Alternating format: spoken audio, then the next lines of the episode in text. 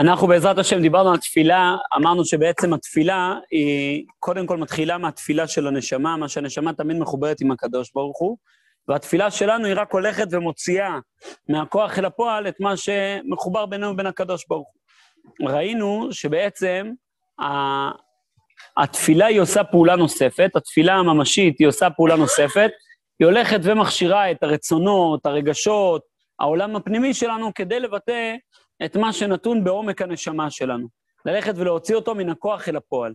ראינו שזה נקרא אומנות. זה מה שראינו על רשב"י וחבריו, שתורתם אומנותם.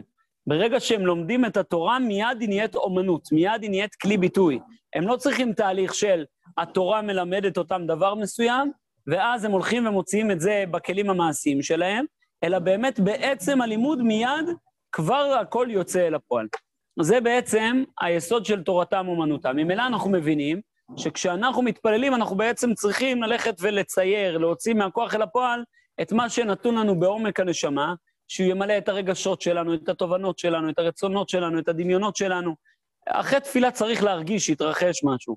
זה לא רק למלמל מילים, למרות שכבר בעצם אמירת המילים יש ערך ומשמעות, אבל בעצם התפילה צריכה למלא את כל האישיות שלנו, להבריך בתוכנו להוציא מהכוח אל הפועל בתוכנו את כל התוכן שהתפילה אומרת, לבנות בתוכנו את מה שהשם בונה ירושלים, את מה שהשם חונן הדעת, מה שהשם הוא האל הקדוש, את מה שמודים אנחנו. בעצם כל הדברים האלה הולכים ונבנים בתוך העולם הפנימי שלנו, אמ, וכמו שאמרנו, זה לא בנפרד ממה שאני גם מתפלל אל השם. זה לא שהעבודה היא רק איזו תרפיה באמצעות התפילה, אלא באמת הפנייה היא אל הקדוש ברוך הוא. ומתוך מה שאנחנו פונים אל הקדוש ברוך הוא, ואנחנו נהיים גם שותפים בדבר הזה, זה הולך ויוצא אל הפועל. אבל זה לא מתחיל ונגמר רק בנו, אלא אדרבה. זה מתחיל מהקדוש ברוך הוא ועובר דרכנו. לעומת זאת, רשב"י וחבריו, הם לא היו זקוקים לתהליכיות הזאת. ברגע שרבי שמעון בר יוחאי היה לומד תורה, ממילא מיד, בעצם הלימוד זה היה ממלא אותו. אצלנו זה שני שלבים, כמו שאמרנו, יש וידעת היום, ויש שלב שני, והשבות האל לבביך. זה שני שלבים, יש הרבה דברים שאנחנו יודעים, אבל הם לא שווים לנו אל הלב, הם לא ממלאים לנו את האישיות. יכול להיות שאנחנו אפילו יודעים להגיד כל מיני תובנות. כמה פעמים יוצא לי ככה לשמוע מאנשים, אני יודע שככה וככה, אבל, אבל אני לא מרגיש את זה, אני לא חי את זה, אני לא, הרצון שלי לא מלא מזה. זה נקרא השבות האל לבביך. כלומר, התפילה זה עיקר תפקידה. מה? לא מדבר אליי, או יכול להיות שאפילו זה מדבר אליי. יש, uh, uh, אני יכול להעיד על עצמי, כמה פעמים יצאתי משיעורים עם תובנות מאוד אמיתיות. שהרב אה, שהעביר את השיעור, ממש השתכנעתי במאה אחוז, ושלוש דקות אחר כך לא יישמתי את זה. למה? כי יכול להיות שאתה יודע הרבה תובנות, אבל נשארות פה, בקופסה הזאת. הן לא יורדות אל האישיות, הן לא ממלאות את הנפש. בעצם התכונה הזאת של מילוי הנפש זה איך הדברים מתקבלים בתוכנו. התכונה של איך הדברים מתקבלים בתוכנו, כמו שאמרנו, זה חלק מעבודת האמונה. איך האמת מתקבלת אצלי. לכן, אם אתן זוכרות, דיברנו על זה שהאמונה זה נקבה, והאמת זה זכר. אותו הדבר גם כתוב שתורה זה זכר, ותפילה זו נקבה. בעצם, כמו שהתורה היא באה להשפיע את הצד הזכרי של המציאות, המוחלט, האבסטרקטי, מעבר לכלי הקיבול שלנו, והתפילה תפקידה שהדברים יתפלו בתוכנו, יתקבלו בתוכנו. לכן, אה, כי תורה זה בעצם דבר שהוא בא מלמעלה למטה. כן, כן, אני מתכוון מצד התוכן שלו. מצד המהות של התורה, התורה היא בעצם דבר שבא מלמעלה למטה, והוא לאו דווקא מה שנקלט בתוכנו. אמרנו שמה שנקלט זה נקרא נקבה, מה שמושפע זה נקרא זכר. בעצם התורה היא, היא נקראת, בלשון המקובלים, היא נקראת זכר, נקראת תפארת. כלומר, היא זאת ששולחת תפארות, ענפים, להתגלות במציאות. אבל מה שנקלט בתוכנו זה יותר העולם של התפילה. לכן התפילה היא נקראת, בעצם כתוב במקובלים שאם התורה היא כנגד מידת התפארת, התפילה היא כנגד מידת המלכות. כלומר, מה מתוך הדברים האלה נקלט בתוכי? דיברנו על זה בעבר, אני עושה ככה חזרה קצרה. בעצם המושג מלכות זה איך הדברים בעצם מתקבלים אצל מי שסופג אותם. כמו לדוגמה, שמלכות ישראל, איפה היא נמצאת? היא לא נמצאת אצל ראש המלכות, היא לא נמצאת אצל ראש הממשלה. מלכות ישראל נמצאת אצל מקבלי מלכות ראש הממשלה, אצל העם. העם הוא נקרא מלכות ישראל, מלכות רומי. יש מלך רומי ויש מלכות רומי. המלך, מידת המשמעות שלו זה לפי כמה שמקבלים את מלכותו. ככל שפחות מקבלים את מלכותו, כך מלכותו קטנה יותר. ככל שיותר מקבלים את מלכותו, כך מלכותו גדולה יותר. ממילא המלכות לא נמצאת אצל המלך, המלכות נמצאת אצל העם המקבלים את מלכותו. גם פה, מלכות השם לא נמצאת בתורה. מלכות השם נמצאת בתפילה, בזה שאני מקבל את מלכותו עליי, בזה שאני רוצה לקבל עליי עול מלכות שמיים. כלומר, זה נקרא מלכות. לכן, מידת התפילה, הרי כל, כל אחד משבע הספירות שלנו, הוא כנגד אחד משבעת הרועים הגדולים שלנו. האושפיזין שאנחנו מזמינים בחג הסוכות, מידת החסד כנגד אברהם, תיתן אמת ליעקב חסד לאברהם, מידת הגבורה, הדין היא מידתו של יצחק אבינו, פחד יצחק היה לי. מידת התפארת היא מידתו של יעקב, שהיה לו ענפים רבים. נצח ועוד, זה כנגד משה ואהרון. יסוד, שאנחנו נמצאים עכשיו בשבוע של היסוד בספירת העומר, כנגד יוסף, שהוא בעצם המשפיע לכל הארץ, שזה מידת היסוד, מידת ההשפעה, ומידת המלכות היא כנגד דוד. דוד מלך ישראל חי וקיים, תמיד המלכות משקפת את דוד. ודוד מעיד על עצמו בתהילים, כשהוא רוצה להגדיר את עצמו, יש לו שתי הגדרות לעצמו. פעם אחת הוא אומר, שומרה נפשי כי חסיד אני. פעם אחת הוא מגדיר את עצמו כחסיד. אבל כשהוא רוצה להגדיר מי האני שלו, הוא אומר, ואני תפילה. ואני תפילה, כך אומר דוד המלך על עצמו. מה זה ואני תפילה? הוא היה צריך להגיד ואני תפילה. אלא ואני, זה הכנאי, והאני שלי, כלומר, דוד המלך שם את האצבע, מי זה דוד?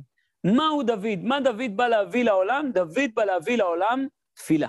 אנחנו יכולים פשוט לפתוח את הסידור ולראות שהסידור שלנו זה כמעט רק דוד המלך. מההתחלה ועד הסוף. הכל, כל הפרקי תהילים, התחנון, הכל שמה, הכל הכל דוד המלך, מכל הצדדים, מכל ההיבטים. למה? כי דוד המלך הוא בעצם, ככה כותב מרן הרב קוק, הוא מוגדר כנעים זמירות ישראל. מה הכוונה? הוא היה זה שידע לדייק בצורה הכי נעימה את הזמירות שישראל רוצים להגיד. הוא בעצם הפה של עם ישראל. הוא הצליח לבוא ולבטא את הפה של עם ישראל. לכן גם דוד המלך, בעצם, גם בארבעת המינים הרי, הם כל אחד רומז כנגד אחד מהאושפיזין.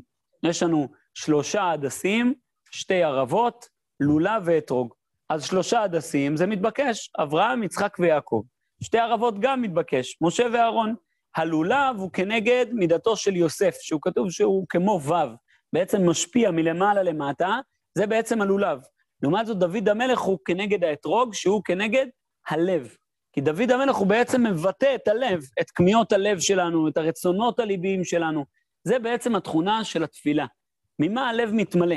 העובדה שאני מקבל לתוך הלב שלי את אותם התכנים הגדולים האלה, זה עניינה של התפילה. אחרי תפילה צריך להרגיש ככה, מה שנקרא להתפלל מכל הלב. להתפלל, ככה מובא בכמה מקומות, מקירות הלב. הכוונה היא שכל קירות הלב, כל חלל הלב מתמלא בתוכן מסוים, זה בעצם התכונה של התפילה. לפי הדרך הזאתי, אנחנו בעצם צריכים להבין גם מה עיקר התפילה ומה טפל בתפילה. כשאנחנו מניחים את התפילה לנגד העיניים שלנו, אז הרבה פעמים אנחנו יכולים לחשוב שעיקר התפילה זה הבקשה שלנו. כלומר, מה אנחנו מבקשים מהקדוש ברוך הוא, ושבוע שעבר גם קצת דיברנו על הנושא הזה של הצורך בבקשות אישיות, של להניח את הבקשה בפנים. אבל האמת היא, חז"ל מלמדים אותנו מביטוי שאנחנו כולם מכירים אותו, לשמוע אל הרינה ואל התפילה, ככה כתוב בפסוק. אז אומרת הגמרא במקור מספר 7, אומרת ככה, תניא, שנינו, אבא בנימין אומר, היה תנא אחד שקראו לו אבא בנימין, והוא היה מפרש את הפסוק ככה: אין תפילתו של אדם נשמעת, אלא בבית הכנסת. אתה רוצה שהתפילה שלך תישמע? לך לבית הכנסת, אל תתפלל בבית. בבית הכנסת התפילה נשמעת. והוא אומר את זה לא רק שהתפילה נשמעת בבית הכנסת, אלא הוא אומר את זה בצורה חריפה יותר. אין תפילתו של אדם נשמעת, אלא בבית הכנסת. אז נכון שנשים לא חייבות בבית הכנסת, ואפילו יש פוסקים שאומרים שראוי שאישה לא תלך לבית הכנסת, היא לא צריכה להטריח את עצמה, שתתפלל בבית, אדרבה, שתמלא את ביתה בתפילה. אבל אנחנו רואים מעלה מאוד מיוחדת לבית הכנסת. למה? אומר, את, אומר הפסוק שנאמר, לשמוע אל הרינה ואל התפילה. בא רש"י ומסביר מה, איך זה יצא מהפסוק, מה הקשר. אומר רש"י, במקום רינה, שם תהא תפילה. איפה מתפללים? איפה מבקשים בקשות שאנחנו רוצים שיישמעו? דווקא במקום שיש רינה. בדרך כלל כשמתפללים בבית, יש פחות חזנויות, יש פחות שירה, יש פחות רינה, למרות שאני יכול להגיד, אצלנו בבית יש לנו ילדים מתוקים מאוד, שמאוד אוהבים לשיר, זה כשיש ראש חודש, הבית נהיה מסיבה. כל אחד מתפלל בקצב שלו, והם לא מוותרים על השיר בקולי קולות את ההלל. אבל הם לא, וכולם. עכשיו, ההוא באמצע 18, ההוא צועק הלל, ההוא בפסוק, כל אחד בתורו, יש ככה, מתחילים לשיר ומתלהבים וזה, נורא. מה? הלוואי והרמוניה.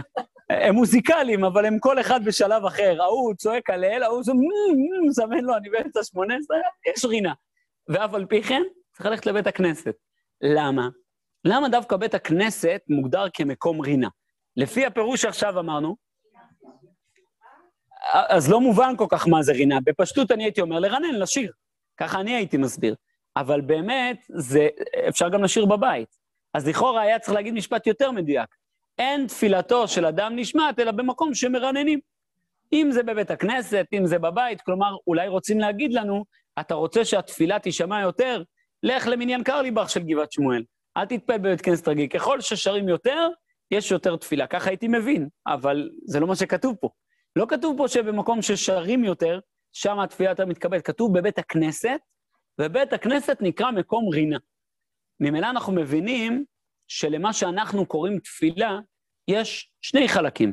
יש חלק שנקרא רינה, ויש חלק שנקרא תפילה. יש חלק שהוא לרנן, ויש חלק שהוא לבקש. באה הגמרא ואומרת לנו, אם אתה רוצה לבקש, תבקש במקום שמרננים. מה זה אומר מקום שמרננים, למה זה בית הכנסת, ומה זה אומר על התפילה שלנו. אז אומר הרב קוק ככה, יסוד הדברים, כי הנה תכלית התפילה הם שני דברים. יש לתפילה שתי תכליות, שתי מטרות שלשמן אנחנו מתפללים. שלעומתם נחלקו חלקי התפילה, שהם, אחד, רינה, שתיים, תפילה. מסביר הרב קוק מה זה רינה, מה זה תפילה, דהיינו, שבח זה רינה ובקשה, זה תפילה. בא הרב קוק ובעצם מלמד אותנו פה דבר גדול. הוא אומר, בתפילה יש שני חלקים, שתי תכליות, שתי מטרות שאליהן אנחנו חותרים. אחד, לשבח. שתיים, לבקש. הרבה פעמים אנחנו, כאילו מבחינתנו הדבר הכי משמעותי, הכי חשוב, ואולי גם הדבר היחיד שאנחנו עושים הרבה פעמים, זה לבקש. אומר הרב קוק, תמקם נכון את התפילה שלך. לתפילה יש עוד מטרה, גם לשבח, זה חלק ממטרות התפילה, למה? צריך להבין מה המטרה, זה אפשר בילדותיות לחשוב, עושים לקדוש ברוך הוא איזה קטע. באים ואומרים, הקדוש ברוך הוא, אתה גדול, אתה גיבור, אתה נורא, אתה קדוש, אתה אל עליון, מתחנפים, ואומרים לו, בסדר, ראית כמה אני מעריך אותך? תעשה טובה, פרנסה, ילדים, בריאות, זה, זה, לא, אתה גדול, קדוש, ברור, אבל תזכור מה רציתי, כן? וחסר לך אם לא תזכור מה רציתי. אבל האמת היא שאנחנו רואים כל פסוקי דזמרה מלא מזה, כל ההקדמות מלאות מזה, שלושת הברכות הראשונות ב-18. הודיה זה בא בסוף, שזה לא כתוב פה, את צודקת. זה גם נוגע לרינה ולשבח, אנחנו נדבר על זה. נכון, נכון, את צודקת מאוד. בעצם, אם נסתכל, יש מדרש מאוד מפורסם, שלמה עשה הקדוש ברוך הוא את אמותינו הקרות? משום שנתאווה לתפילתן. ככה כתוב במדרש. המדרש הזה מדרש מאוד קשה. האימהות שלנו סובלות כדי להתפלל. זה מדרש שלא מלמד אותנו רק על האימהות, מלמד אותנו גם עלינו. אבל בעצם המדרש הזה מלמד אותנו יסוד מאוד גדול. נדמה לי שזה לא הדף שלנו, כן? יש בחוץ, אמרו שישימו בחוץ. אה, לא, הכל בסדר. אין בחוץ? אין דפים. אז אם, אם יהיה אפשרות להעלות דפים, נשמח מאוד. רגע אחד.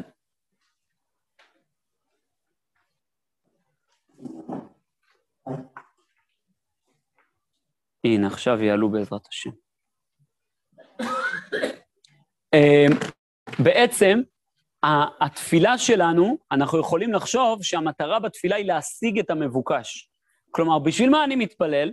אני מתפלל כדי לקבל. אם אני מתפלל כדי לקבל, אז זה מאוד מוזר מה שהקדוש ברוך הוא בא ועושה. אימא שלנו, שרה, רבקה, רחל, תהיינה עקרות, וכל זה כדי להתפלל? הקדוש ברוך הוא, ריבונו של עולם, למה לעשות להם ככה? הרי אם המטרה של התפילה כדי להגיע לתכלית, אז בוא תביא ישר לתכלית. למה הסדר הוא ככה? אז אפשר לבוא ולהגיד, הקדוש ברוך הוא רצה לעורר אותם להתפלל, אם הם היו ישר מקבלות לא מתפללות, אז הוא סידר מצב שבו הם יתפללו.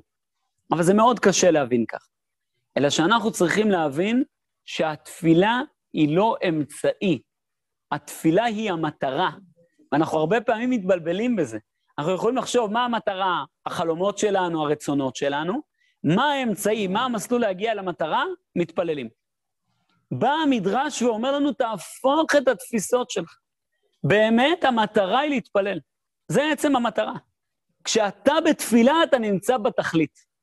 כל הקשיים, החסרונות שבאים בחיים, זה כדי לעורר אותך להגיע אל התכלית של החיים, להתפלל. הראיה לדבר הזה באה לידי ביטוי בצורת העמידה שלנו בתפילה. הרי באמת, אם תפילה היא בדרך, אז הכי טבעי היה לעמוד בצורה של הליכה, להתפלל תוך כדי תנועה, זה היה הכי טבעי. אבל באמת, אנחנו מחויבים להתפלל בצורה של עמידה. גם נקרא תפילת עמידה, אנחנו עומדים במקום. לבטא, אני לא הולך לשום מקום. פה טוב לי. פה אשב כי הביתי, כאן אני רוצה להיות. עוד יותר מזה כתוב בהלכה, שכשאדם מתפלל, יהיו עיניו למטה וליבו למעלה. ככה לשון השולחן ערוך, על פי הגמרא. נכון, נכון, אבל זה באמת לא ליבת התפילה. כשאנחנו אומרים תפילה, תפילה זה שמונה עשרה.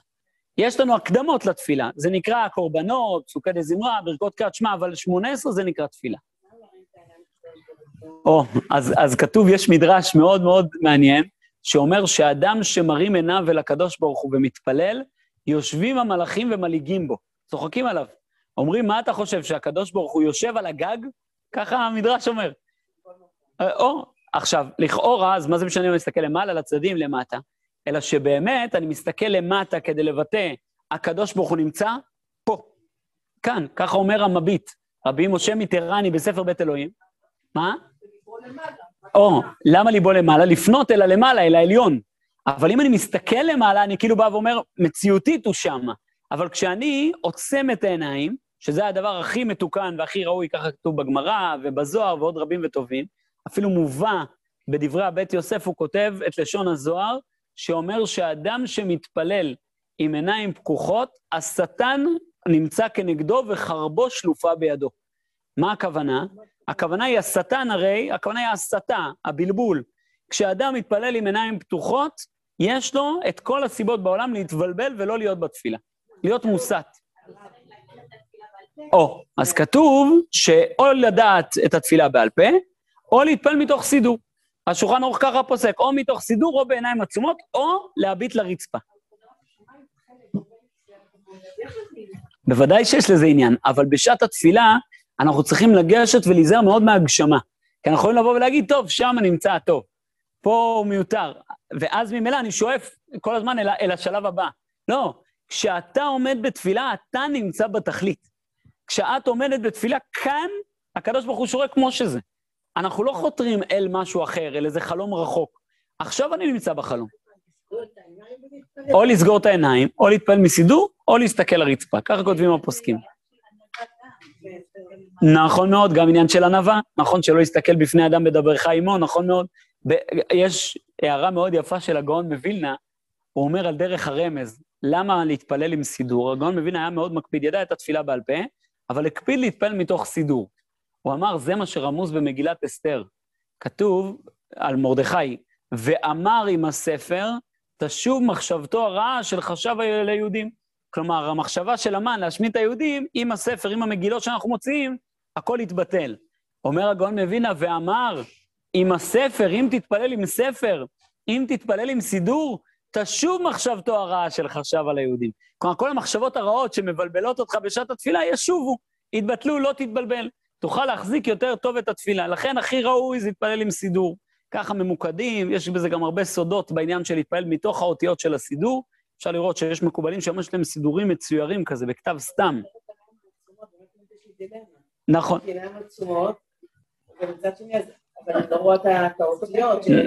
נכון, ולכן אנחנו פה, הפוסקים אומרים או זה או זה, וזה נתון בידייך. יש כאלה שתפילה עם סידור, זה מה שפותח את ליבם בצורה הכי שלמה. יש כאלה שלהסתכל באותיות גורם להם יותר להתעסק בלקרוא מאשר בלהיות. בסדר, כמו הבדיחה שאז סיפרנו עם הדוב, נכון, למשל עם החפץ חיים. דיברנו על זה, נכון? לא? זה היה, לא? שהוא מלקק עם הדבש, כן, דיברנו על זה. שאנחנו רק עסוקים בלדפדף. שבאמת מנהל שמלא מלא שמחה בתפילה, עולה וכל צבא. יש שם דיבורים ברמות יותר גבוהות מעולם שלא חייב של הקצת, באמת יש התקדמת כבר כמה חודשים, הם באמת שלי כאילו מה לעשות, ללכת להתפלל שם, כי אני מאוד אוהבת את התפילה ואת הסיבה. מצד שני, אני גם צריכה את זה, וגם יש לי איזו תחושה שקולטת אותי, שהתפילה לא עולה, תפילת הדיון מתרגלת, כבר קראתי כמה רבות, יש דיבורים. הקדוש ברוך הוא לא עובר על זה בסדר היום. נכון, אנחנו, כמובן, בית כנסת צריך להיות מאוד, צריך מאוד להיזהר בדיבורים בבית הכנסת. יש בזה דברים חמורים. התז כותב שמאורעות תח ותת קרו באשכנז בגלל שהיו מדברים בבתי הכנסת, כך הוא כותב. דברים מאוד קשים. צריך להיות מאוד מאוד מאוד זהירים בדיבורים בבית הכנסת. הכתוב על הארי הקדוש, שלא היה אומר דברי תורה בבית כנסת מחשש שידברו דברי חולין. כלומר, הוא היה מוותר על להעביר שיעור כדי שלא יהיו דיבורים של חולין, או בשיעור או בין אנשים, זה, יש גם חשש בלהגיד דבר תורה בבית כנסת, כי גם אסור לישון בבית כנסת. זו עוד בעיה. זה נשים לא מכירות. אבל אצל גברים זה השעה שבה נרדמים. כשהרב מדבר, כולם נרדמים, נותנים שבע דקות לישון, אחרי זה קמים, זה ככה משהו מיוחד. זה מגיעות מלא מלא מלא מלא מלא נערות צעירות, ופשוט... אני חושב שזה חשבון אישי, חשבון אישי. לא, בית כנסת שיש בו הרבה שמחה ועוצמה, אבל יש פה דיבורים. עדיף בית כנסת כזה מאשר אצל האשכנזים, שזה פשוט... זה את אומרת בתור מרוקאית. אני אומר, יש, מבחינת ההלכה אין פה הגדרה מה יותר טוב. בסוף, אם הלב יותר מתכוון שם, ואנשים מדברים ואני יכול להתרכז בכל זאת, אז זה עניין שלהם, אני לא צריך לעשות את החשבון שלהם. אבל, אבל uh, אנחנו צריכים לראות איפה הלב יותר מונח, האם אנחנו מצליחים להתפלל בכוונה. זה על מה שאמרת, פעם הרב וינר הראה לנו, סידור של uh, יקים, שכתוב בסוגריים, ליד תפילת נחם של תשעה באב, כתוב בסוגריים, כאן בוכים. אז זה ככה, בצורה מאוד מאוד טובה. כאן בוכים, צריך לזכור. אז אם הלב מונח שם, ומתפללים כמו שצריך, מה שאחרים מתפללים, מדברים, זה לא מעכב, בטח אם מדברים בקבלת שבת. כי, כי עליית התפילה היא חוזרת שוב לעניין של, של בקשת התפילה. זו הנקודה המרכזית. לשבח זה עניין שאני בא ומשבח את הקדוש ברוך ממילא הדרך להתפלל היא או עם סידור, או עם להביט אל המקום. ולמה אנחנו מביטים אל המקום? כדי להגיד, האמת היא, פה נמצאת המטרה. אני לא הולך לשום מקום, אני לא חותר לשום מקום, זאת גם הסיבה שאני מתפלל בעיניים עצומות, זאת הסיבה שאני מתפלל ברגליים צמודות. נכון. נכון מאוד. ברכת המזון יש לה גדר של דיני תפילה לכל דבר, כן, כן. Um, בעצם, לפי הדרך הזאתי, אנחנו גם מבינים למה uh, uh, כל כך קשה לנו עם תפילה. כי אנחנו, הטבע שלנו, ככה כתוב בנביא, אנחנו נקראים הולכים, מהלכים. טיבו של האדם הוא תמיד לפתח, להתקדם, לזוז, לנוע, לשנות. בואו. תעשו ניסוי פעם. לעמוד במקום, לא בתפילה, לעמוד במקום, רגליים צמודות, ידיים על הלב, צידי הגוף, איך שזה, מניחים ידיים, עוצמים עיניים, ולעמוד ככה 60 שניות. זה כל כך, כל כך קשה. זה ממש, זה ישר חייבים לנוע. עד כדי כך שלאט לאט התחילו להתפתח המנהגים של להתנועע בשעת התפילה, שכותב על זה השלה הקדוש, שזה רק בדיעבד. לכתחילה, אם אדם יכול בלי לנוע, אסור לו לנוע. אסור לו לנוע. זה רק אם זה עוזר להתעוררות וכולי. אם אדם יכול בלי לנוע, יעמוד בלי לזוז בכלל. בסדר? זה פעם אה, הרב צוקרמן אמרנו, מה אתה וינטלטור? זה...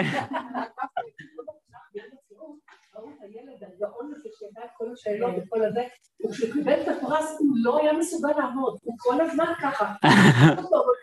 מה אתה עושה? הוא לא הבינו, הקהל שלו כולה צחק. הוא לא יכול... בתוך הדבר הזה... מדהים, מדהים. הרב קוק לא היה מתנענע.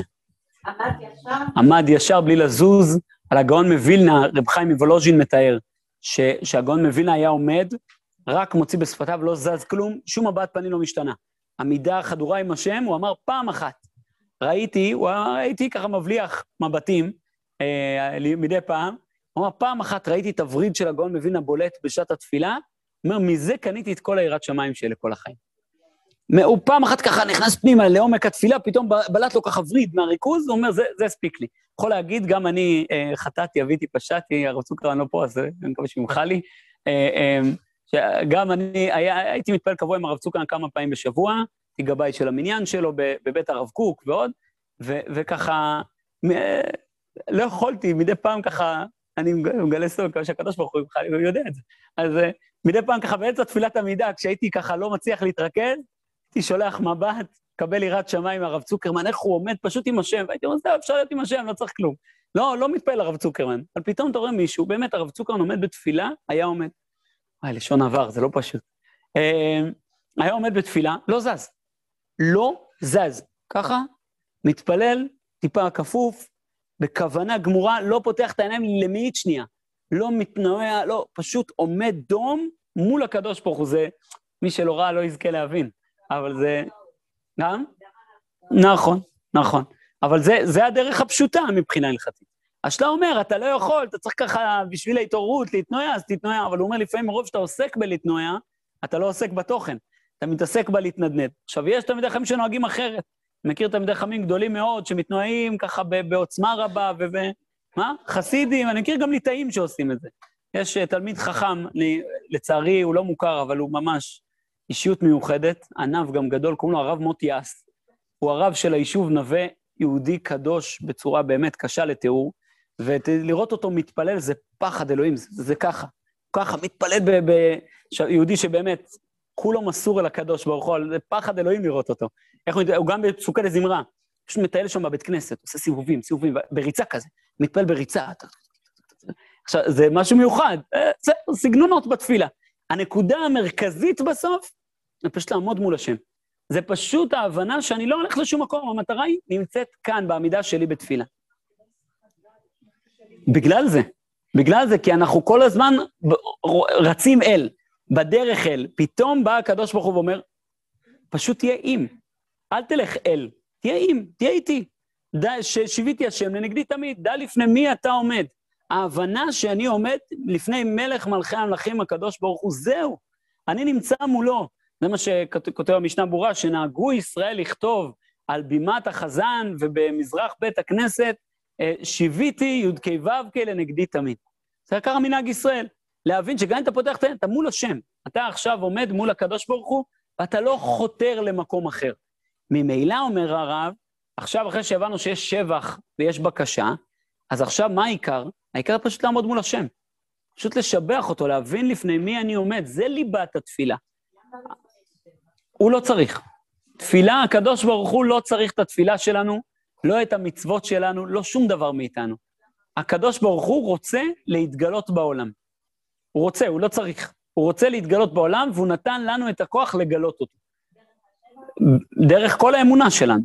ואמרנו שבעצם החיבור שלי, מה שאני מגלה את השם דרכי, ממילא ככה הקדוש ברוך הוא הולך ומתגלה, הולך ומתבטא. תודה רבה. מי שאין לה דפים, אז יש דפים. אמ, בעצם הקדוש ברוך הוא כך הולך ומתגלה, כך הולך ומתבטא, דרך התפילה שלנו. מה? זה אותם דפים של ראש כן. זה בעצם החלוקה הראשונה. מה? כי הוא רוצה.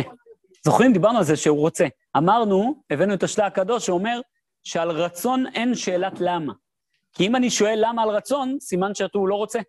אם אתה בא ואומר לי, למה אתה אוכל? כי אני רעב, אז אני לא רציתי לאכול, משהו הכריח אותי לאכול. אם אני יודע למה רציתי, למה הגעתי לפה, כי אה, אה, כיף לי ללמוד תורה. אז זה שכיף לי, הרצונות האלה, הם אלה שמניעים אותי לעשות פעולות. הקדוש ברוך הוא לבוא ולהגיד, יש משהו שמניע אותו, זה אומר שיש משהו מלבדו. לכן באמת אומר השלה הקדוש של הקדוש ברוך הוא לשאול על רצונו למה, זה כמו להגיד, הוא לא באמת רוצה, מה הכריח אותו? הוא לא באמת אחד, יש עוד דברים בעולם חוץ ממנו. ברגע שאתה בא ואומר, הקדוש ברוך הוא רוצה, למה? כי הוא רוצה. אנחנו קשה לנו להבין את זה, כי אצלנו הרצון הוא לא רצון שלם. אצלנו הרצון הוא מלא בהכרחים, מלא בדברים שגורמים לנו ומניעים אותנו. הקדוש ברוך הוא, שום דבר לא מכריח אותו. הוא לא מוגבל, נכון, בדיוק. או, כן, אז האימהות שלנו, בעצם למה עשה אותם הקדוש ברוך הוא עקרות? כי בעצם הקדוש ברוך הוא רואה, אנחנו נדבר על זה עוד רגע מאוד צד, הוא רוצה להעמיד אותנו מולו. והרבה פעמים אנחנו לא עומדים מולו. והקדוש ברוך הוא מזהה לכל אחד מאיתנו מה החיסרון שיגרום לו לעמוד נוכח פני השם.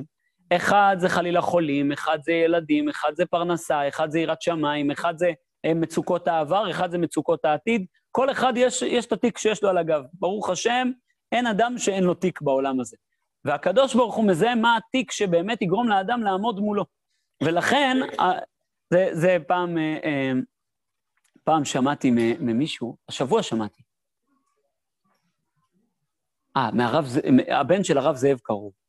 הבן של הרב זאב קרוב, הרב זאב היה חולה הרבה זמן בסרטן, עבר אה, פשוט. הבן שלו, לא, אז בן אחר. בן אחר. בלי עין הרע, ברוך השם, הרבה קשיים. הרבה מאוד מאוד קשיים. ופעם הרב זאב קרוב אמרו לו, אולי תלך מומחה זה, אולי תלך מומחה זה, אולי תלך מומחה... אז הוא אמר, זה מצוין שהם מציין כל המומחים, אבל למה אף אחד לא מציע לי, אולי תתפלל? למה אף אחד לא בא ואומר, רגע, יש עוד דבר חוץ מלרוץ לזה ולזה ולזה ולזה, פשוט להתפלל. ואנחנו הרבה פעמים, אנחנו כל הזמן עושים מה שנראה לנו נכון לעשות. זוכר כש, כשאימא שלי, זכר צדיקה לברכה, שבוע הבא, יום הזיכרון שלה, אז אימא שלי, זכר צדיקה לברכה, אז כשהיא ממש התחילה להיות חולה, היא הייתה באמת צדיקה בקנה מידה באמת יוצא דופן. אה, לכן גם אנחנו מקפידים לקרוא לה זכר צדיקה לברכה, ככה כמה תלמידי חיים אמרו לנו, שהיא הייתה נשמה יוצאת דופן שהייתה בעולם, וכשהיא התחילה להיות חולה, אז uh, אנחנו אמרנו לה, בואי נלך, ניפגש עם איזה תלמיד חכם אחד. Um, והיא אמרה, לא, לא צריך, לא צריך להטריח אותו וזה. בסוף הלכנו, אז היא אמרה לו, מה לעשות? מציעים לי שני מנתחים, מנתח מומחה או מנתח צעיר. ואז הוא אמר לה, צד לפה, צד לפה, ואז הוא אמר, אבל האמת היא, ברוך אתה השם, רופא כל בשר ומפליא לעשות. הוא אמר לה, אם את תביני שהשם הוא רופא כל בשר, אז הוא מפליא לעשות. אם את תבואי ותגידי, זה בכלל לא משנה מי, מי, מי השרביט שלו פה בעולם, מי הקצה שלו. בסוף הוא מרפא, השם מרפא. אם הוא מרפא, אז הוא יפליא לעשות, בכלל לא משנה מי יעמוד בקצה. כתוב, לא צווינו, כתוב, ניתנה רשות לרופא לרפא. זה רשות, אבל ודאי הולכים לרופא, אנחנו לא יושבים על המיטה ומחכים שמישהו יציל אותנו. אבל יחד עם זה, אם בסוף יש צד לפה וצד לפה, אנחנו צריכים בסוף להעמיד כנגד העיניים שלנו את דבר השם. אותו דבר גם בחינוך. אני פעם, זה, סיפרתי את זה פה, נדמה לי, שהיה לי איזה תלמיד ככה מאוד מאוד, לא ידעתי מה לעשות איתו, התקשרתי מפה, מפה. בסוף התקשרתי אליו, לרם שלו מהישיבה התיכונית. אמרתי לו, תראה, זאת ההתמודדות, מה אתה אומר? אז הוא אמר לי, צדדים לכאן, צדדים לכאן, ככה שב... דיברנו 20 דקות. הוא סיים, ואז הוא אומר לי, אבל יש לי שאלה רגע. כמה פעמים התפללת עליו בשנה האחרונה? אני הייתי נבוך מאוד. אמרתי לו, אפילו לא פעם אחת. אז הוא אומר לי, אז נגמרה השיחה. אני לא רוצה לדבר איתך. ברגע שהוא אמר לי את זה, אמרתי, וואו, זה אישר לי את הראש לגמרי. אתה רואה, פעם עבדתי עם אותו, אותו תלמיד חכם, זה לפני הרבה שנים עבדנו על איזה פרויקט, פרויקט של נוער בארץ, אלפי אנשים. אז ישבנו, ישבנו, ישבנו, ישבנו על כל מיני תוכניות, ותוכניות בטיחות, ותוכניות אש, וכל מיני דברים. ואז הוא אמר, טוב, אז נפגשים יום לפני זה בכותל. בשביל מה צריך לפגש? הוא אמר, לא הבנתי, אתה הולך להוציא אירוע כזה של אלפי אנשים, ואתה לא הולך יום לפני זה לכותל להתפלל על זה?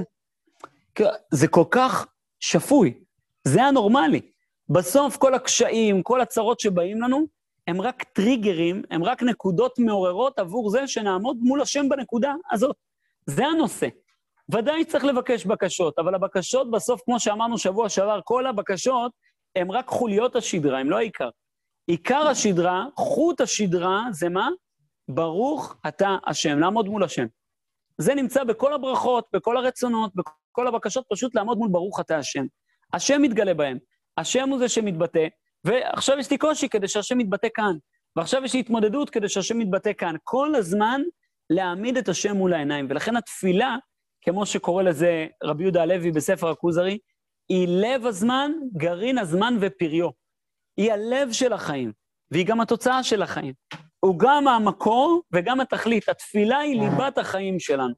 יש לנו עוד דברים שאנחנו רצים וכולי, אבל הם כולם רק נקודות התעוררות עבור התפילה שלנו. העיקר זה התפילה, להיות אדם מתפלל. כמו שכתוב, הלוואי ויתפלל האדם כל היום כולו, לעמוד מול השם. פשוט לעמוד מול השם. לאה, החשבון איתה הוא חשבון אחר כדי לקנא את רחל בלאה. ותקנא רחל באחותה. כלומר, מה? כן, אבל לאה לא הייתה הכרה. את אומרת, עוד לפני זה עיני לעיני הרכות, יפה, נכון, גם נכון.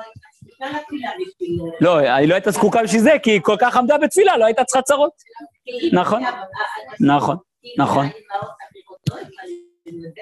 אבל על א' נאמר בפירוש, וגם היא, את אומרת נכון, שהיא התפללה כל השנים על עשיו. עיני להרקות כתוב שהייתה מתפללת שלא תיפול בחיקו של עשיו. הייתה מלאה בתפילה, ממילא היא הגיעה לתכלית שלה.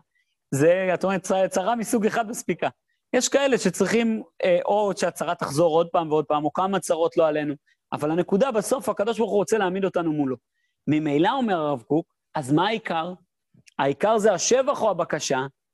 העיקר זה השבח. העיקר זה לעמוד מול השם. הבקשה זה רק איך היא תמצא, רק איזה משהו שמאפשר לי כדי לעמוד מול השם.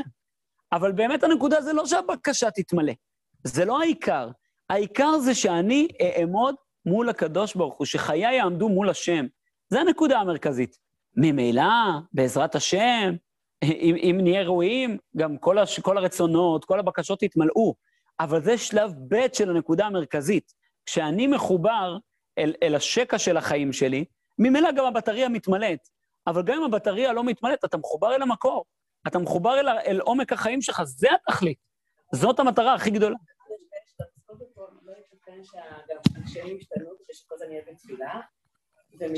שמה השתנו? שהאתגרים השתנו. בוודאי, בוודאי. זאת אומרת, אתה מסיים אתגר אחד, אתה מסתדר, אוקיי, תתכונן, זה זמן, עוד מעט, עוד משהו מגיע.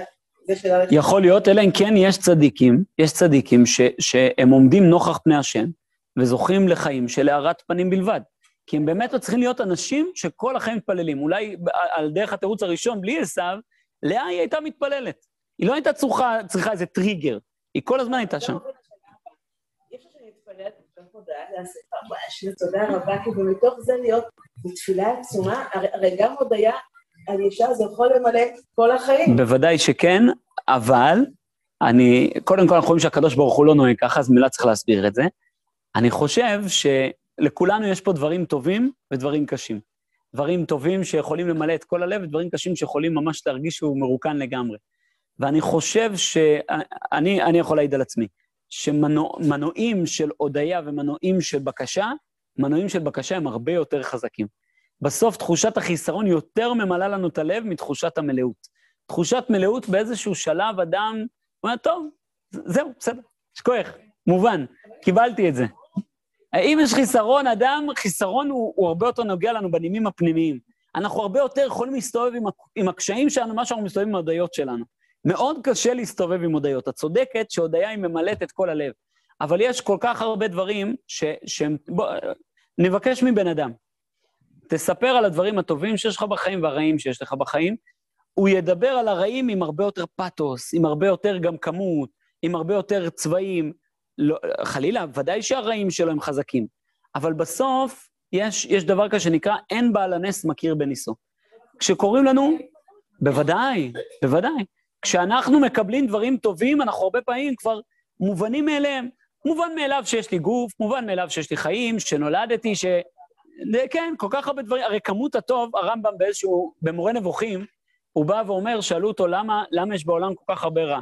למה יש כל כך הרבה איסורים? אז, אז הרמב"ם בא ואומר שלוש תשובות. תשובה אחת, זה לא נכון. לא נכון. תבדוק כמה טוב יש, כמה רע יש, ואז תנסה בכלל להתחיל לעשות השוואה. אז זה בכלל אין מה להשוות. בין כמות הטוב לכמות הרע זה לא מתחיל. כמה טוב יש לך בכל רגע נתון לעומת כמה רע יש לך. אז בכלל אין תחרות. הוא אומר, ש... די, נקודה שנייה, מה? או, למה הרושם יותר חזק? כי את הטובה אנחנו כבר מקבלים כמובן מאליו. אנחנו מתרגלים אליה, ואז היא לא ממלאת לנו את הלב. אומר דבר שני, כמה מהרע שנגרם הקדוש ברוך הוא עשה וכמה בני אדם עשו. זה מה שהפסוק אומר, איוולת אדם תסלף דרכו ועל השם יזף ליבו. אתה אוכל לא בריא, ואז אתה אומר, הקדוש ברוך הוא, למה עשית לי סכרת? אה, שאלה טובה. זה באמת, היית צריך לאכול סוכר ולא לקבל סכרת. היית צריך לא לעשות פעילות גופנית ולהישאר בריא כל החיים, נכון. היית צריך להתעסק בשטויות ואחרי זה להתפלל למה החיים שלך הם כך וכך. לא לעשן, ואז להתפלל למה חוטפים uh, סרטן בריאות. יש, יש אחריות למין האנושי, לא רק לי, אלא גם באופן כללי. אתה, אתה מפתח טכנולוגיות שאתה לא בודק, לא בודק את הזהירות שלהן, וזיהום אוויר וכולי וכולי. זה לפני שבוע, בל"ג בעומר הרי אסרו בתל אביב להדליק מדורות, ובעוד כמה ערים. למה? בגלל זיהום אוויר. הרי דקה אחת, אם, היו, אם עם ישראל היה מקבל עצמו בתמורה לל"ג בעומר, שבת אחת. שבת אחת ששומרים, זה היה מנקה ל"ג בעומר לכמה שנים קדימה. אבל, אבל המין האנושי, הוא לא בא ועושה את החשבונות האלה. הוא לא בא ואומר, טוב, בואו נימנע מכלי רכב מזהמים. בואו, לטובת הצלת העולם, כל כך קריטי לנו, הצלת העולם, מטוסים, נכון? אז, אז חייבים לטוס לטיולים בחו"ל? או שאפשר לוותר, אפשר לנסוע בכלים אחרים, אפשר לטוס פחות. אה, נכון, זה ודאי נכון. לא, צריך טיסות לארץ, להעלות את היהודים. האם ההתמודדות של ברסלב וכל, האם זה שלב יותר גבוה של התפילה או לא? מה הכוונה? כשאתה שומע שהם מצופים, שכאילו הרב שלהם, הרב נחמן רומן, כאילו ממליץ עליהם על קטע של התמודדות לא מקובל בזרמים אחרים. אדרבה, אבל זה מה שאמרנו שבוע שעבר, שכמו שכתוב במשיבת נפש, בהשתפכות הנפש, סליחה, שבאמת רבי נחמן רצה להחזיר את התפילה ליסודה. כלומר, שבאופן פנימי, עצמי, אני פשוט עומד מול השם. מיידית. על זה אני אומר, כן. אז זה התכלית של ההתבודדות, זה המעלה שלה. שוב, ברוך השם, גם את ההתבודדות, הקדוש ברוך הוא דואג שהיא תהיה יותר עוצמתית ויותר עם כל הלב. יש צרות, ברוך השם. למה לא? למה לא? ש... לא, יש צד שזה גבוה יותר כי זה יותר בא מהלב, ויש צד שזה פחות גבוה כי זה לא מצווה ועושה. יש פה מעלות לכאן ולכאן. אז אומר הרב קוק, האחד, העניין הראשון הוא ששם השם יתברך חוק בעולמו שעל ידי תפילת האדם יעשה לו צרכיו, תפילת ישרים רצונו ואת שבתם ישמע ויושיעם. הקדוש ברוך הוא קבע כלל בעולם, שאדם מתפלל, מקבל את הצרכים שלו. זה עיקרון מספר אחת בתפילה. עיקרון מספר שתיים, והשנית, שיוציא האדם שלמותו מן הכוח אל הפועל.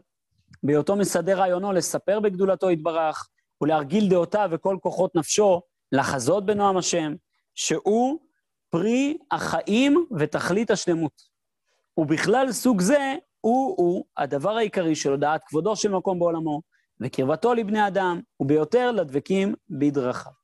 אומר הרב קוק, חוץ מבקשות, שהתפילה שלנו תעשה את הבקשות שלנו, התפילה גם באה להעמיד אותנו מול הקדוש ברוך הוא. נתמלא בקרבת אלוקים, נתמלא בהבנה של אחדות השם, של איך השם ממלא כל דבר, של איך השם משגיח, של איך השם, שאני רק רוצה להביע את רצונו, רוצה להיות נאמן, לגלות אותו, להוות שיקוף שלו במציאות. אז זה עוד חלק של התפילה. אומר הרב קוק, והנה, ראוי שיהיה חקוק בלב, שגם חלק התפילה של הבקשה, היא גם כן נמצאת בעולם כדי שעל ידי זה יבוא האדם בכלל יותר לשלמותו האמיתי, הנמשך מהכרת כבודו, כבוד השם יתברך. כלומר, גם בעולם הבקשות, בחלק שאנחנו מבקשים על דברים כאלה ואחרים, גם אותם צריך להבין שבאיזה הקשר הם באים, הם לא תכלית לעצמה, הם באים גם כן כדי לגלות את השם. כמו שחנה כתוב עליה, וחנה היא מתפללת על השם, לא אל השם. מה זה חנה מתפללת על השם? כתוב במדרש, היא אומרת לקדוש ברוך הוא בגמרא, בפרק חמישי של מסרת ברכות, היא אומרת לקדוש ברוך הוא, תראה, אם אין לי בן, בראת מלא דברים מיותרים. יש חיסרון בך, אני דואגת להופעתך, הנושא הוא לא אני, האינטרסים שלי. חנה היא לא עושה את זה כמניפולציה. היא אומרת לו, תראה, הקדוש ברוך הוא, בשקט אני רוצה ילד. אבל לא נעים לי להגיד את זה, אז אני מוצאת איזה ניסוחים יפים. לא, חנה באמת ככה רואה את המציאות. זה שיהיה לי בן זה לא אינטרס אגואיסטי. אני רוצה לגלות את הופעתך בעולם. וממילא, כשיוולד שמואל, אז היא תגיד שהוא שאול, שאול מאת השם. לכן היא תקרא לו שמואל, כי באמת הוא, הוא בסך הכל בא לתפקיד אלוקי, הוא שאול אל העולם לגלות איזה גילוי אלוקי. כך חנה הייתה חיה. זאת הייתה התכונה שלה. חנה תמיד ראתה את הכל, איך זה עמידה מול השם. לכן חנה היא מתפללת על השם. היא רואה שכשיש חיסרון במציאות, הנושא הוא לא לתקן רק את המציאות הטכנית, אלא חיסרון במציאות הוא בעצם שיקוף של חיסרון בהופעת השם. אומר רבי חיים מוולוז'ין, כתוב במדרש, שכל הסותר לואו של ישראל, נותן לו סטירה על הלחי, ליד הפה, כסותר לואה של שכינה. כי הרי מי זה האדם שמולי? הוא גילוי של הקדוש ברוך הוא. כשאני נותן לו סטירה, נותן לו מכה, אני מבזה את הופעת השם. אומר רבי חיים מוולוז'ין, עכשיו תבין שככה צריך לתפוס את כל הבקשות. אתה בא ואומר, רפאנו, למה? כי, כי אתה חסר. כי אם אני חולה, ההופעה שלך לקויה. ברוך אתה השם רופא כל בשר, אני רוצה שאתה תתברך בהיותי בריא. אני רוצה שאתה תופיע ביתר שאת, כי כשאני בריא, אתה מופיע יותר. אתה תופיע יותר כשיהיה ירושלים. כלומר, תפילה באה ואומרת לנו לא איזה תרגיל, מניפולציה לעשות לקדוש ברוך הוא, תראה, זה אינטרס שלך. לא, באופן אמיתי, תתרגל לתפוס את כל החיים שלך כהופעת השם, כאינטרס אלוקי, כרצון של הקדוש ברוך הוא להתגלות בעולם, ואז ממילא בקשותיך יתקיימו. אבל זה התוצאה ולא הנושא. בעצם הנושא הוא, תראה את הכל כהופעת השם. תראה את הכל כהופעת השם, ממילא החיים יתמלאו בברכה, יתמלאו בשם. אבל לא רק מוכנה, שיש לה טענות שהשם ברא דברים לא מושלמים, כמו שהיא אמרה, למה השדיים או למה... היא באה עם טענות. נכון. זה לא מושלמים. אז זה תמוה. זה לא תמוה, כי באמת הקדוש ברוך הוא ברא דברים חסרים כדי שאנחנו נשלים אותם. וחנה אומרת, איך נשלים אותם? בתפילה. תכלית התפילה היא להשלים את גילוי השם בעולם. הקדוש ברוך הוא ברא עולם חסר, שהאדם ישלים אותו על ידי השתדלות ותפילה. נכון, בדיוק, בדיוק. וההשלמה שלנו היא על ידי תפילה, הרי זה מוכח כבר בבריאת העולם. כתוב, ועד יעלה מן הארץ וישקע את הגן, למה? כי לא המטיר השם. למה לא המטיר השם? כי אדם אין לעבוד את האדמה. אין בן אדם שיעשה את עבודת האדמה, עבודה ארצית, מהי עבודה? אמרנו שבוע שער, זוהי עבודה, זו תפילה. אין אדם מתפלל, אין סיבה להוריד גשמים. כי הגשם, מי מוריד את הגשם? הקדוש ברוך הוא, על ידי תפילתנו. התפילה שלנו היא קריטית לירידת הגשמים. אנחנו רואים עד כמה התפילה היא חשובה ועוצמתית. יש תיאור כזה אה, אה, מאוד יפה של הרבי מקוץ, שכשהכהן הגדול נכנס לבית קודשי הקודשים ביום הכיפורים, היום הכי קדוש, המקום הכי קדוש, האדם הכי קדוש, האירוע הכי מרומם. אם אנחנו היינו צריכים לתת לו פתק על מה להתפלל, לי היו מלא דברים לתת לו להתפלל שם. על מה הוא מתפלל? שלא תיכנס תפילת עוברי דרכים לפניך. אומר הרבי מקוצקי, הערה כל כך יפה, תראה כמה הקדוש ברוך הוא דואג לכל הנחה, כל קרחצן, זה בלשון שלו, של יהודי. כשיהודי הולך בדרך ויורד עליו גשם, והוא עכשיו אומר, קדוש ברוך הוא, למה גשם? הקדוש ברוך הוא רוצה את טובתו, רוצה להיטיב איתו. אדם עכשיו אומר את הדבר הזה, נסעתי בדיוק שבוע שעבר עם איזה לוחם, אה, דיברנו קצת, וזהו, הוא אמר, פעם ראשונה שהרגשתי בתפילה שאני רמאי. הוא אומר, עמדתי בתפילה שהוא רמאי. הוא אמר, עמדתי בתפילה ואמרתי לו, ותן טל ומטר לברכה, ותוך כדי אמרתי, ריבונו של עולם, רק לא השבוע. לא השבוע, וגם לא השבוע הבא, ולא ב, לא בחצי שנה הקרובה.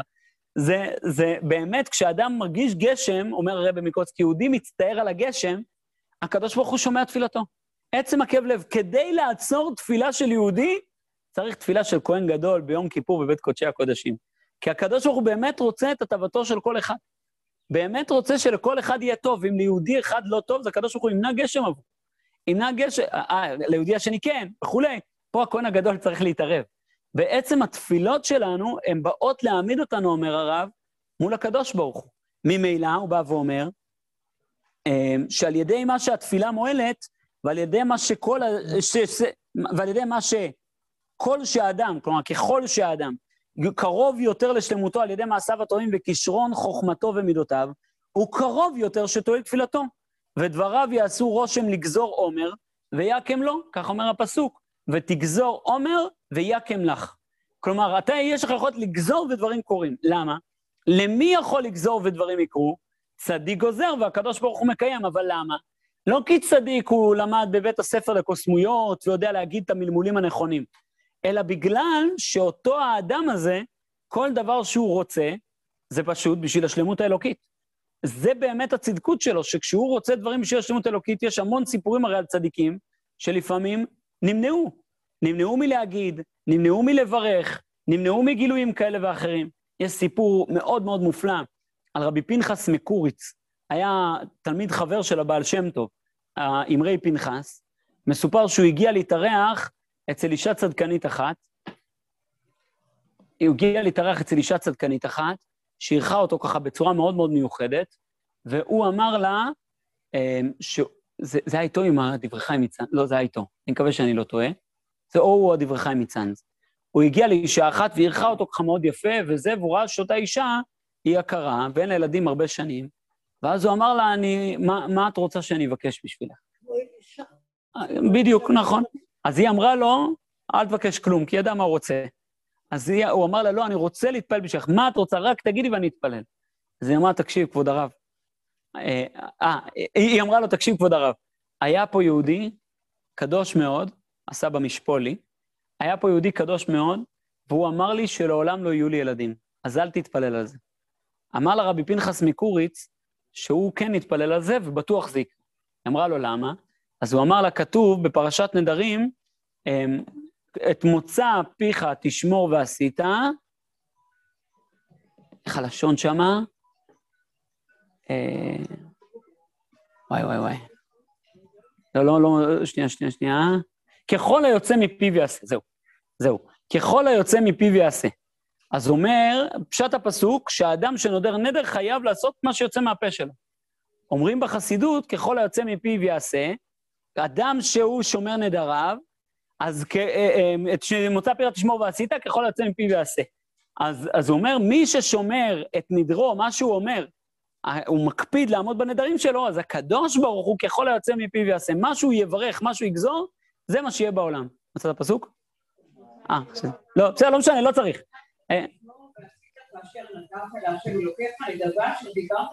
כן, לא, אז, יש ככל היוצא מפיו יעשה, זה הפסוק, זה, מה שאני מחפש.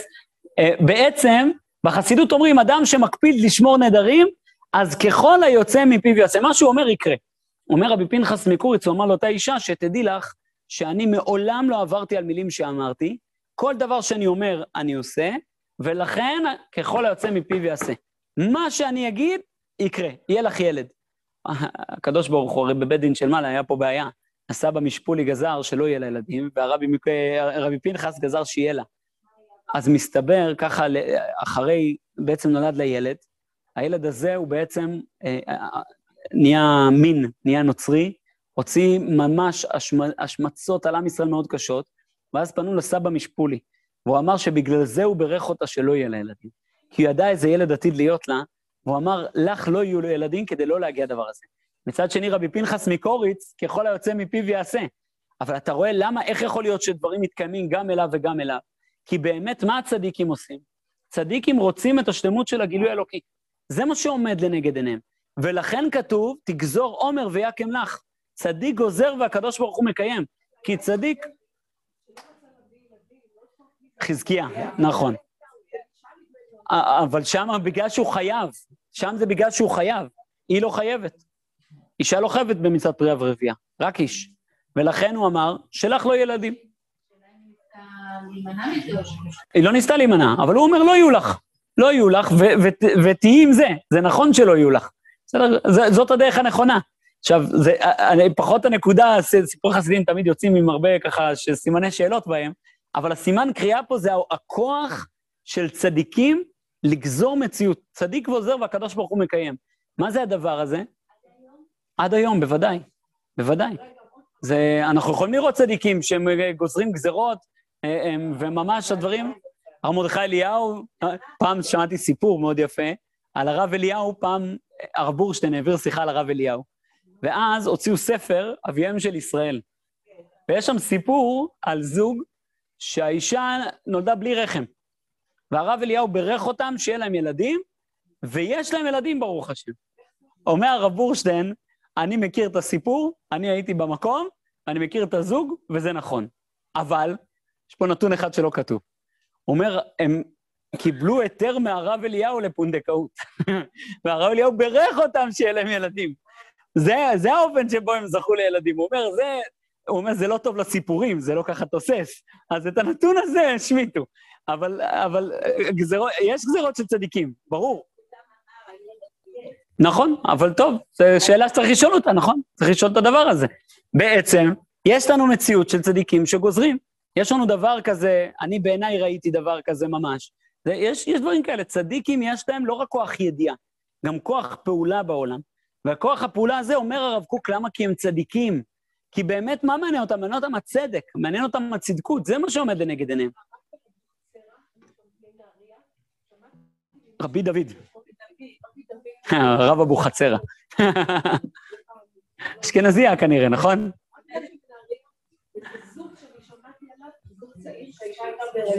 הרופאים אמרו לה, לפי כל הבדיקות, הילד הזה יוצא חלקום, חייבים להוציא אותו. והרב דוד, רבי דוד, אמר, צריך להשאיר אותו והכל יהיה בסדר, וככה יהיה. הרבה מקרים. נכון, נכון. אז אומר, אומר הרב קוק, דבר זה, כלומר, על ידי זה שאתה מבין שככל שאדם הוא יותר עומד מול השם, יותר צדיק, כך יותר קורית ברכה, דבר זה מביא את המין האנושי אל קרבת אלוהים. כי האדם יודע שאם הוא רוצה חיים מבורכים, כפי מידת העמידה שלו מול השם, ככה החיים שלו יותר מבורכים. אה, אה, ועל כן המציא השם יתברך חוק זה בעולמו, כדי להכשיר את האדם לשלמותו. והמשכיל יבין בזה שורש מציאות התפילה. בשביל מה נועדה התפילה? באין צורך לחשבונות הרבים של הפילוסופים. הרב קוק פה רומז לשאלה של הפילוסופים שאלו, אם הקדוש ברוך הוא יודע הכל, והקדוש ברוך הוא לא משתנה, אז מה יועיל? זה שאני מתפלל. מה, אני משכנע אותו? אני משנה אותו? מה זה מועיל? אומר הרב קוק, לא, זה לא הנושא, תניח את זה בצד, זה לא חשוב הנושא הזה.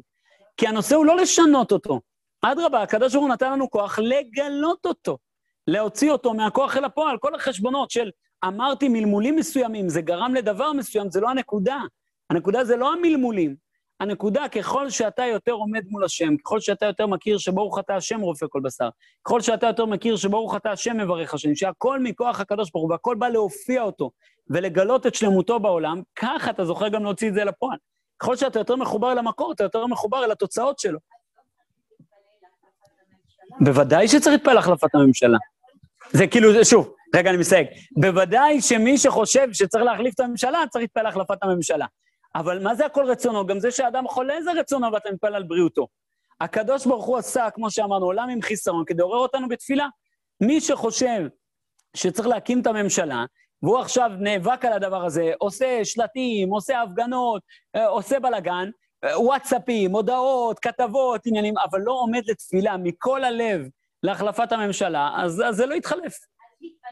בטח, נכון. שוב, אני, עוד פעם, בטח מי שחושב שצריך להחליף את הממשלה, אני לא נכנס לזה אפילו. אני אומר, מי שחושב שזה מה שצריך לעשות, צריך לעמוד לתפילה, בוודאי. כמו, כמו כל דבר שאנחנו חושבים צריך, אני חושב שאני צריך לקנות את הבית הזה. אם הקדוש ברוך הוא רוצה שיהיה לי בית, יהיה לי בית. לא, אתה צריך לעשות את החלק שלך, להבין שהקדוש ברוך הוא, אם אתה מתגלה דרך זה שיהיה לי בית, תתגלה דרך זה שיהיה לי בית. ויכול להיות שהקדוש ברוך הוא לא יקבל תפילה. וחוסר קבלת התפילה, אנחנו נראה, היא, היא משני טעמים, שתי אפשרויות. בטח, מה, ברור. כן? בוודאי. בוודאי. סימן, לתת לנו כיוון, בוודאי. רואים שמרדכי, אסתר חיכתה לזה. כשהיא ישבה עם המן הסעודה הראשונה, היא לא אמרה כלום, כי היא חיכתה לסימן והיא עמדה להתפלל, וכתוב על, אה, על אליעזר שהוא עומד ומחכה לסימן. אנחנו יכולים לראות סימנים, הבעיה היא שאנחנו, תמיד יש את השאלה אם זה סימן או, או ניסיון. זה תמיד, תמיד, תמיד השאלה. זו שאלת מיליון הדולר שאני הקטן לא יודע לפתור אותה. אה, אה, שעכשיו יש משהו, האם זה עכשיו הקדוש ברוך הוא רוצה להטעות אותי ולגרום לי לחפש, לבדוק יותר טוב, או שאדרבה להגיע אל, הדבר האמיתי? זו תמיד שאלה. פה אני, הקטן, חושב שצריך הרבה הרבה אמון בעצמנו. הרבה אמון. ככל שיהיה לנו יותר אמון בעצמנו, וככל שנהיה יותר צדיקים, אז, אז גם יהיה יותר סיבה לתת אמון בעצמנו, נוכל לחוש ככה. מה זה סימן ומה זה ניסיון, מה בא לאתגר אותי ולגרום להתמודד למול, ומה בא ואומר לי, stop, יש לך סימן, אתה יודע מה הכיוון. אבל כן, ודאי, זה, זה תפילות, זה תפילות של נשים, תפילות שהן אה, ממש סוג תפילה של נשים. נכון, לדוגמה, ששוב, יכול להיות שאני אבקש סימן ואני אקבל ניסיון, זה גם יכול להיות, שאני אבקש הצלחה דברים היומיומיים, והקדוש ברוך הוא נותן לי הצלחה כדי לבלבל אותי. יש תמיד את השאלה הזאת. לנסות, נכון, נכון. שמונה עשרה? אה, בקול, בקול. תפילות הן בקול. חוץ מתפילת שמונה עשרה, תפילות בקול. בלימוד תורה זה חובה מדאורייתא להגיד בפה. מפספסים מצווה מן התורה. נכון. דברי תורה חייבים להוציא בפה. יש סיפור על ברוריה, בסדר? יש מדרשת ברוריה, אז הם ככה לקחו את האופי. האופי של ברוריה. ברוריה פעם ראתה תלמיד של רבי מאיר, יושב ולומד ככה. הביאה לו בעיטה. נתנה לו בעיטה.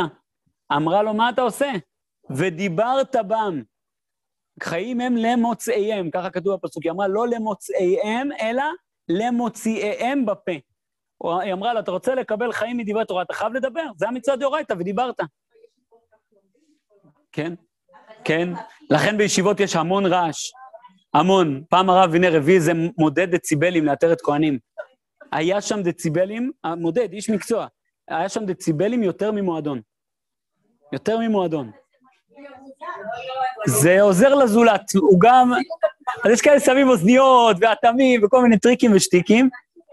נכון, אבל בסוף צריך לדבר תורה, לא צריך לצעוק. הרב וינר גם מדבר. הרב וינר, אה, אה, אני זוכר, זכיתי ללמוד אצלו הרבה מאוד שנים, לא שמעתי אותו צועק בחיים שלי. אני גם לא חושב שעם הטונים שלו הוא יכול לצעוק, אבל זה... אבל אה, יחד, יחד עם זה, באמת, גם דברים שככה היו לו מאוד חשובים, אף פעם לא צעק. אף פעם לא צעק. תמיד הוא היה אומר לנו, לא צריך בסדר בוקר לצעוק. תדברו כולם באותו טון, את כולם ישמעו. הוא צועק על החברותא שלו, אתה אומר שטויות, אז גם הוא צועק על החברותא שלו, אתה אומר שטויות, ואז כולם צועקים וצועקים, גם נהיים צרודים, גם נהיים חרשים. אז זה, צריך לדבר בטון רגיל. דברי תורה צריך לדבר רגיל. לפעמים לא מצליחים, לפעמים יש ככה איזה ריתחא דאורייתא כזאתי.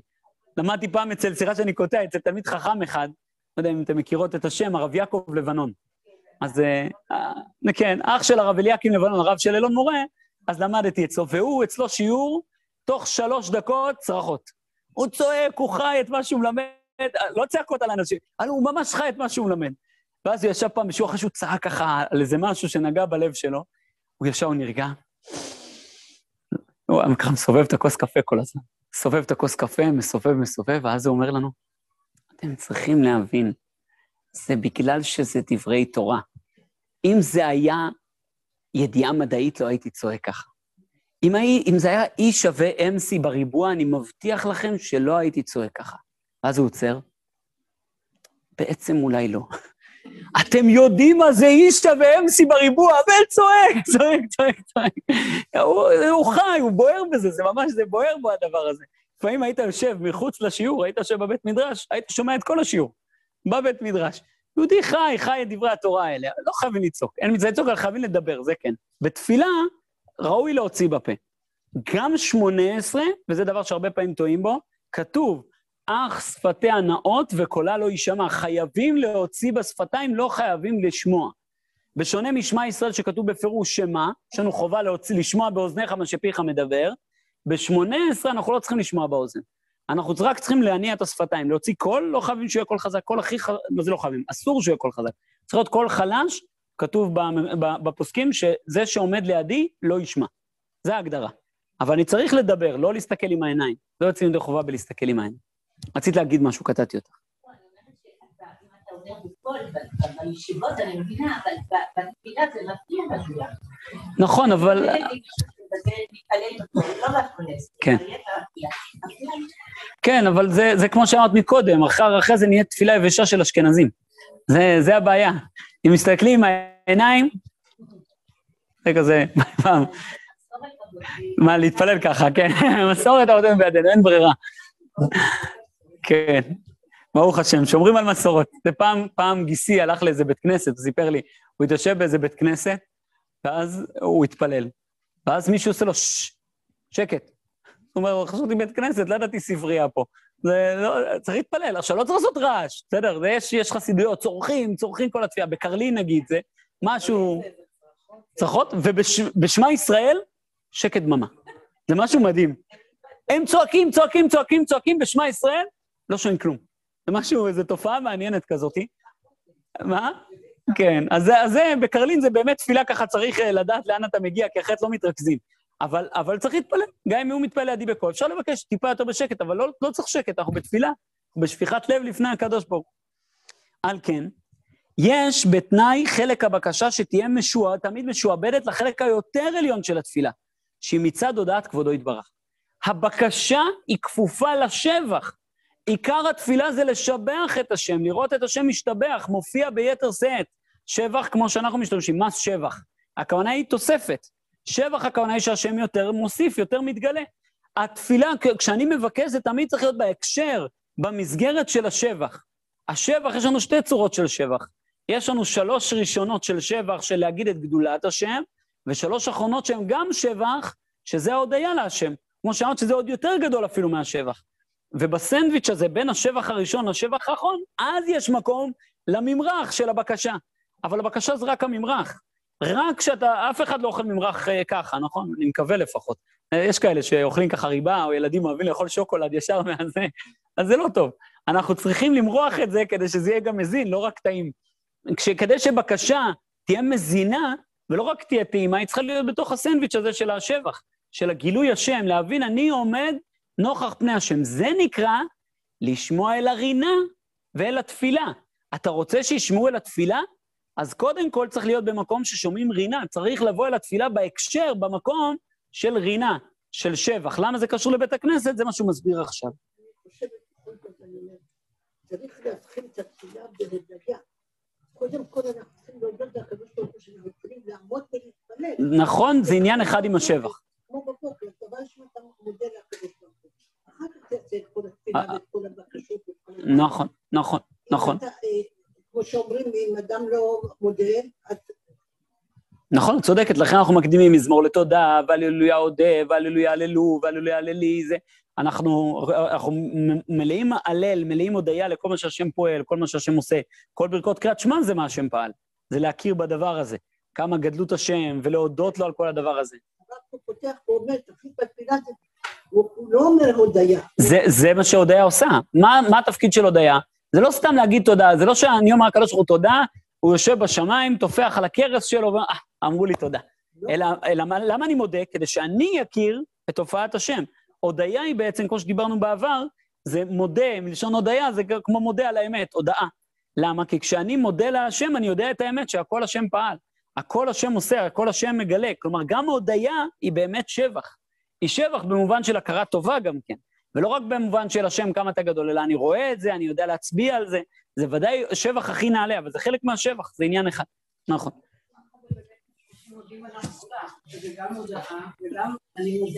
נכון, נכון. לכן גם הפעמיים שאנחנו צריכים להשתחוות ב-18, זה בתחילת השבח, במגן אבות, ובהודיה, במודים. זה הפעמים שאנחנו משתחווים. על כן, אין תפילתו של אדם נשמעת אלא בבית הכנסת, שהוא מקום רינה, שיסוד תפילת בית הכנסת הוא מיוסד על החלק המעולה, השכלי, שהוא הכרת גדולתו יתברך וקרבתו. למה אני הולך להתפלל בבית הכנסת?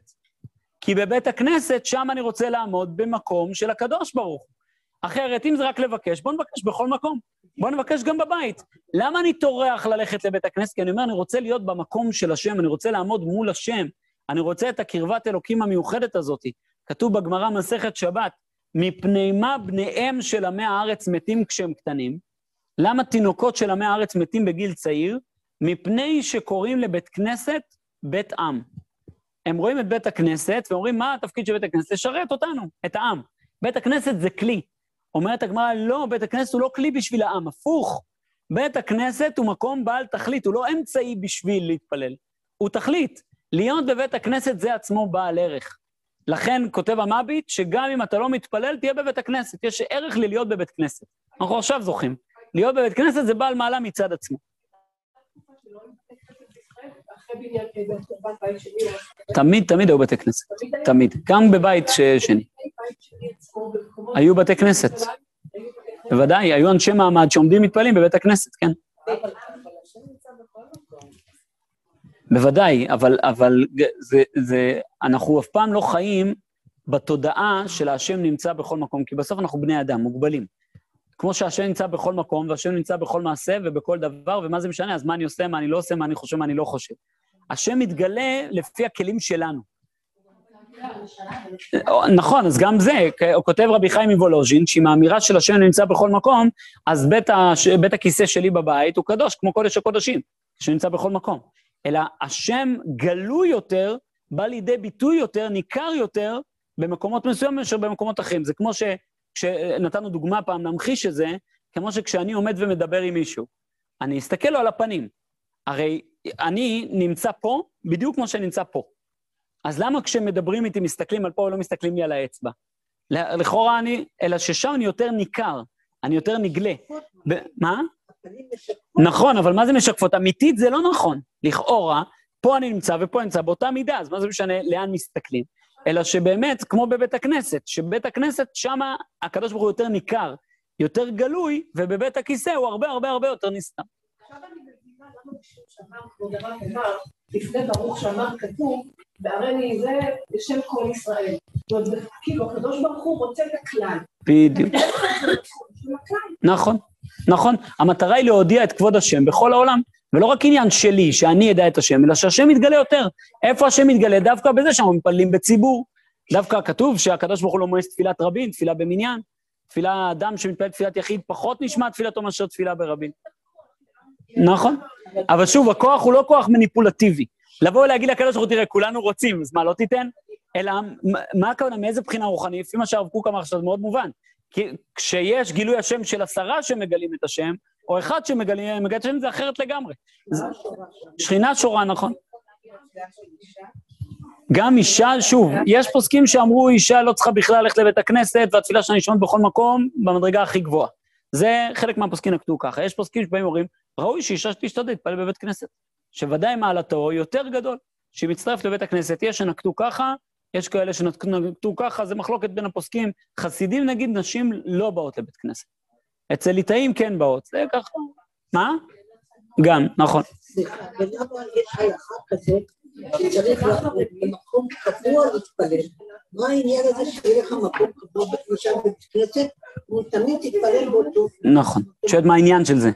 מה העניין בזה? או למשל, אני מתפללת, אני צריכה תמיד להתפלל באותו מקום. אז כתוב, כתוב בגמרא, מסכת ברכות דף נ"א, כתוב, לא דף נ"א, סליחה, דף י"א, כתוב שכל הקובע מקום לתפילתו, אלוהי אברהם בעזרו, ובפטירתו אומרים עליו, היי עניו, היי חסיד, מתלמידיו של אברהם אבינו.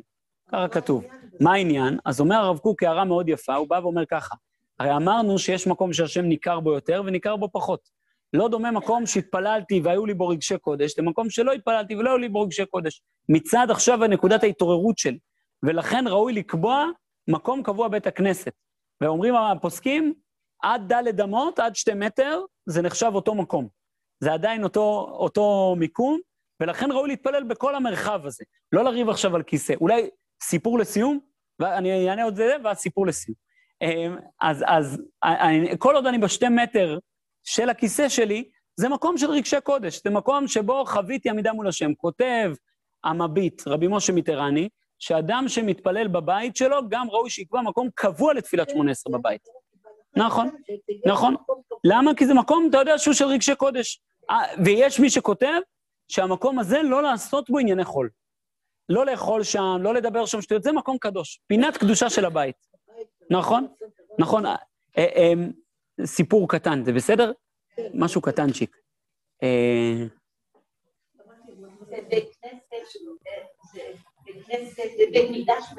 נכון, נכון. אני מקווה שאני אמצא את זה.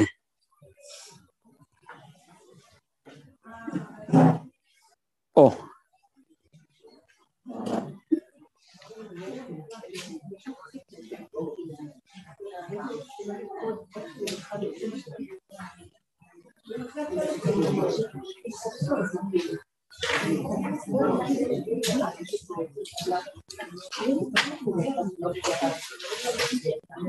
לא בטוח שאני אמצא את כל הזה. סיפור מאוד יפה שאחי כתב על הדבר הזה, על מקומות בבית כנסת. הנה. מקווה שזה יעבוד. כן.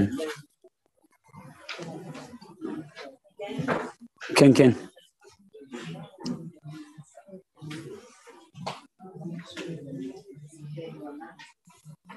לא עובד לי, איזה צער. טוב, אז, לה- אז, אז אני מקווה שאני אמצא לכם את זה. זה נקרא סיפור מקום קבוע זה הכוונה רק ל-18? רק ל-18, כן. רק ל-18. אז יש סיפור מאוד יפה, נקרא מקימי, בסדר? שהוא כתב, לא, לא ספר מקימי. יש סיפור שנקרא מקימי, שהוא כתב, סיפור מאוד מאוד יפה. אה, רגע, אולי פה.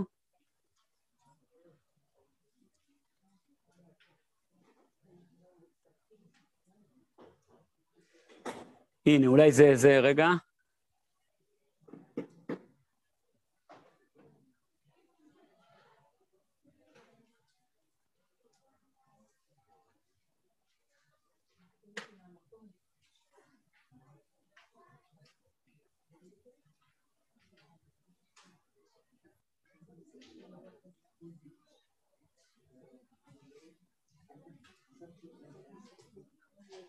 טוב, הוא מספר על... זה צריך את ההתחלה, אין לי פה את ההתחלה.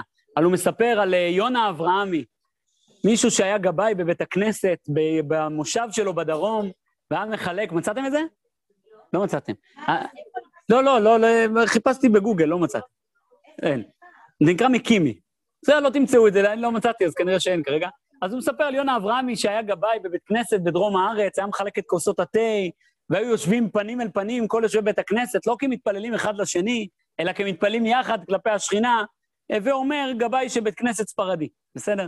ואז כתוב שיונה אברהמי, בעל כיסא רחמים, עבר אל... אה, אה, יונה אברהמי הגיע לראשונה לבית כנסת כיסא רחמים בעירו החדשה. אמ, וכך הוא מתאר שלא היה לו קל, אלא להתפלל צריך, ואין לך מקום לנהל לתפילה יותר מבית הכנסת. ספסלי בית הכנסת החדש היו סדורים שורות-שורות, מופנים כלפי ארון הקודש, לא כמו בעירו. ובכניסה לבית הכנסת ראה שלט שכתוב בו, אין להכניס דברי מאכל ומשקה לבית הכנסת. על כל מושב ומושב חרוט שם בעליו. תחילה לא הבחין בחריטת השמות אשר על המושבים. נכנס יונה בצעדים מהוססים מתוך תקווה כי יבחינו בו ויורו לו מקום להישב בו. לבסוף מצא לו מקום והתיישב. משבא לקריאת הפסוק אשרי יושב ביתך, במנחה של ערב שבת, הרגיש טפיחה על כתפו. סליחה, אדוני, אבל זה המקום שלי. לא ידע יונה מפני מה, אבל סומק עלה בפניו. משל נתפס זה עתה בכלכלתו ובידו גזלה. ראה שאין איש מבחין בו ומיהר להתיישב בכיסא סמוך שהיה ריק. פיוט לך דודי כבר נמשך על שפתה במתיקות נעימה, מקדש מלך עיר מלוכה, קומי צאי מתוך ההפכה, רב לך שבט. שוב טפיחה. הפעם הביט בו אדם בפנים כבויות. בלי אדוני, בלי סליחה. יונה אברהמי קם נזוף מן המקום, בעוד הציבור מנגן, והוא יחמול עליי חמלה. לא ידע יונה מה יעשה, לצאת מבית הכנסת אינו יכול, שמעולם לא הורגל לפרוש קודם גמר התפילה. להישב אינו יכול, מפחד המקימים. עמד ושר, לא תבושי ולא תיכלנו. עד שאדם שישב בקרבתו הורה באצבע כלפי מושב שהיה פנוי ונתיישב. ישב יונה ביום, בליל שבת וגם ביום המחרת, וכל כך נעמה, ואז הוא רואה, פה יש שלוש נקודות, הוא ראה את ההוא שמפטיר, זה ההוא שהקים אותו אתמול. והוא קם ושר על כיסא, הוא מברך, על כיסו לא יושב זר ולא ינחלו עוד אחרים את כבודו. כל כך נעמה המנגינה ליונה עד שבקושי השגיח בתפיחה. טפיחה קלה עדינה. ילד כבן שבע עמד על ידו והפטיר לעומתו, זה המקום שלי. נתעטף יונה בצער, הביט כה וכה, ביקש לעבור לכיסא שלידו, עד שהוסיף הילד, וזה המקום של אבא שלי. ולא מצא יונה מנוח לכף רגלו.